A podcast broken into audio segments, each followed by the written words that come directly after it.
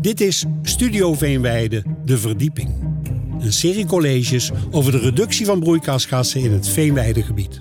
In het klimaatakkoord hebben we afgesproken dat de veenweiden gaan zorgen voor het verminderen van een jaarlijkse emissie van 1 megaton in 2030. Hoe gaan we dat doen? Wat weten we al en wat weten we nog niet? Het Nationaal Onderzoeksprogramma Broeikasgassen Veenweide zoekt het uit. In zes afleveringen volgen we de 6M-cyclus van meten, mechanismen, modelleren, MKBA, maatregelen en monitoren. De gastspreker in deze aflevering is. Dokter-ingenieur Jan-Peter Lesje, als onderzoeker verbonden aan Wageningen Environmental Research. Hij heeft een brede kennis op het gebied van bodemkunde, broeikasgasemissies en volgens mij nog veel meer. Niet waar? Welkom, Jan-Peter. Ja, bedankt.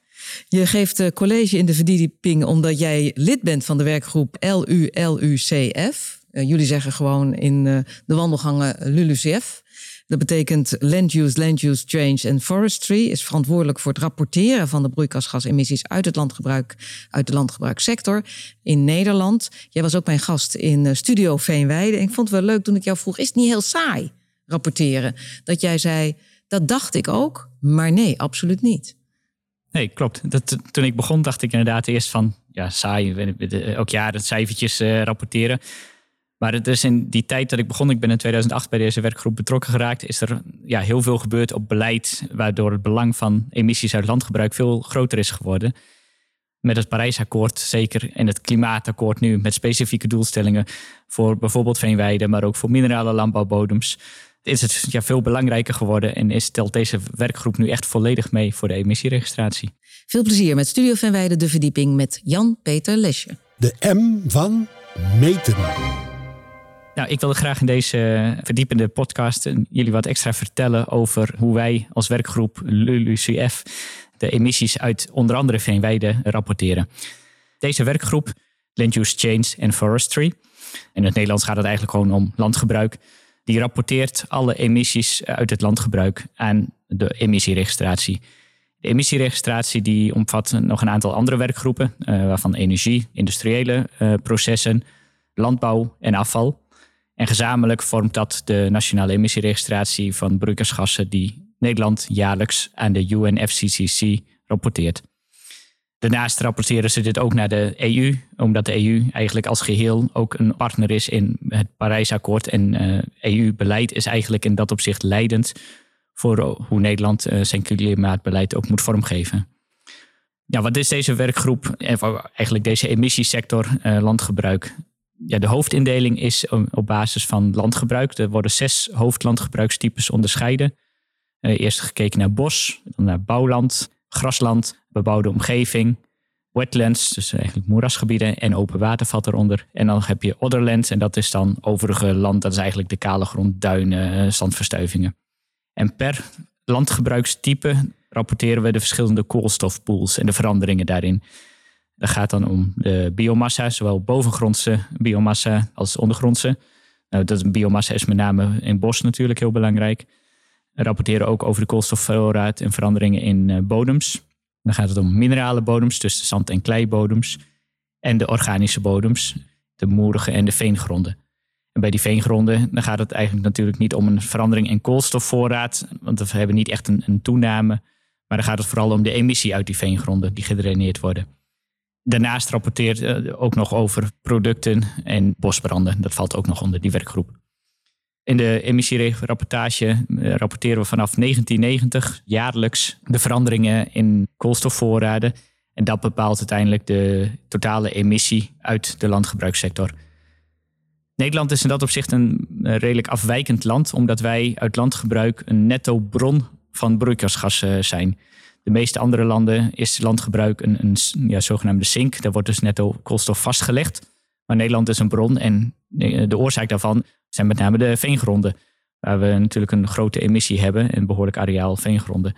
En aangezien we in Nederland een ja, relatief beperkt areaal bos hebben, hebben we dus niet een hele grote vastlegging. Voor deze veengronden hebben we nu een methodiek. Die is gebaseerd op eh, het werk van Jan van der Akker. Die ja, eigenlijk jarenlang is daar bodemdaling gemeten op verschillende locaties. Uit die bodemdaling kan afgeleid worden hoeveel koolstof verdwenen is. En dat kun je omrekenen naar CO2. Er zijn relaties gemaakt met de grondwaterstand en uh, de bodemkaart.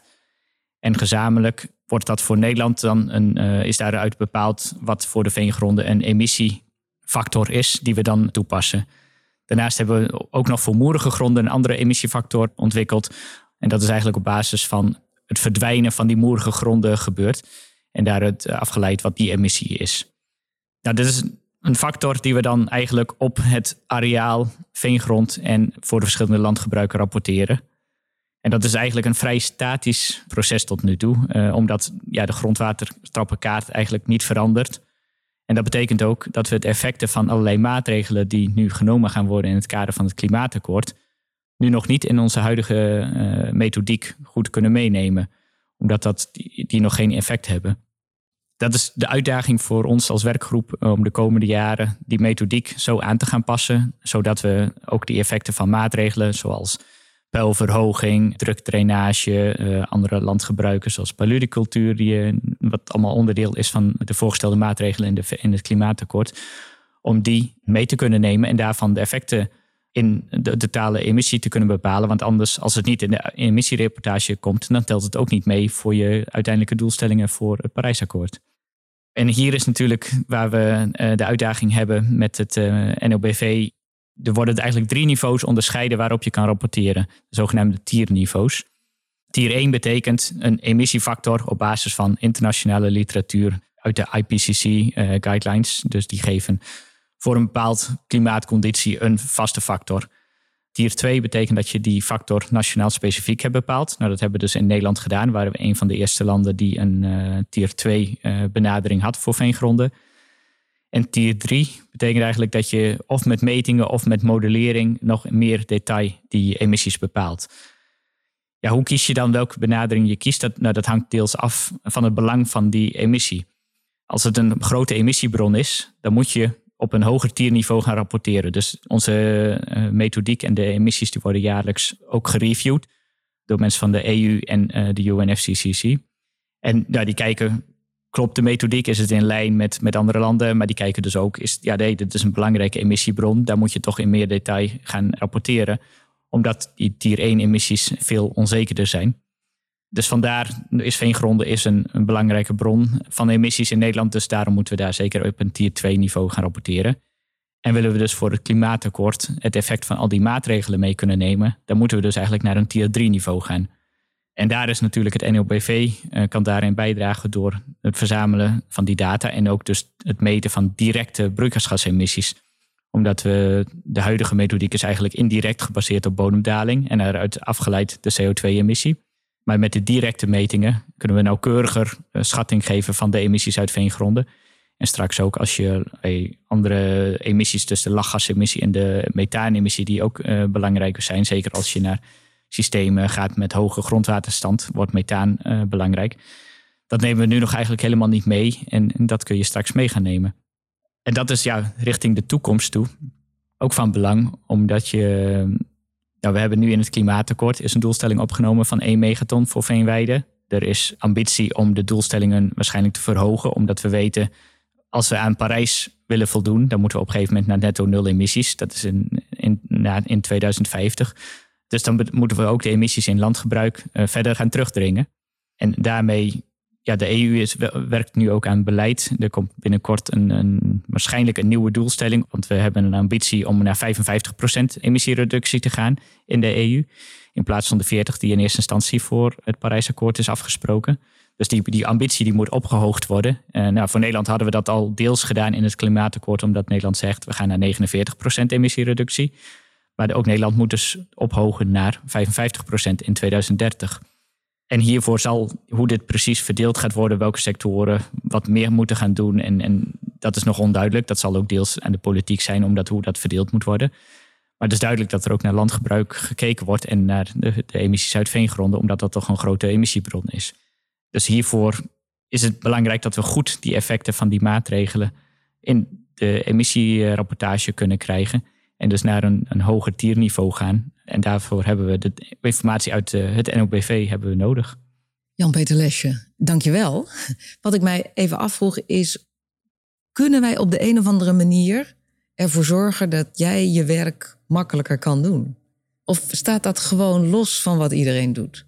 Uiteindelijk is het voor ons als werkgroep, wij moeten ons baseren op de data die er zijn. Het moet ook wetenschappelijk verantwoorde data zijn. Dus hoe meer data wij beschikking over hebben en, en die wetenschappelijk ook gepubliceerd wordt, des te meer kunnen wij inbrengen en detailleren in de emissiereportages en, en daarmee dus uh, meer effecten van maatregelen meenemen. Als wij de data vanuit NOBV beschikbaar krijgen, als daar uh, nieuwe inzichten in komen, dan kan alleen maar onze rapportages gaan verbeteren en daarmee uh, uiteindelijk bijdragen aan de klimaatdoelstellingen. En dan wordt je werk nog leuker. En dat wordt nog leuker, ja. Dankjewel, Jan-Peter Lesje. Dankjewel voor het college in deze eerste aflevering van de podcastserie Studio Fijnweide, de verdieping. Wil je meer weten? Luister dan ook naar de serie Studio Fijnweide. Die zit vol met veldreportages en studiogasten. En natuurlijk ook uh, luisteren naar al die andere colleges, de andere M's in deze verdiepingsserie. Nogmaals dank voor het luisteren. Tot een volgende keer.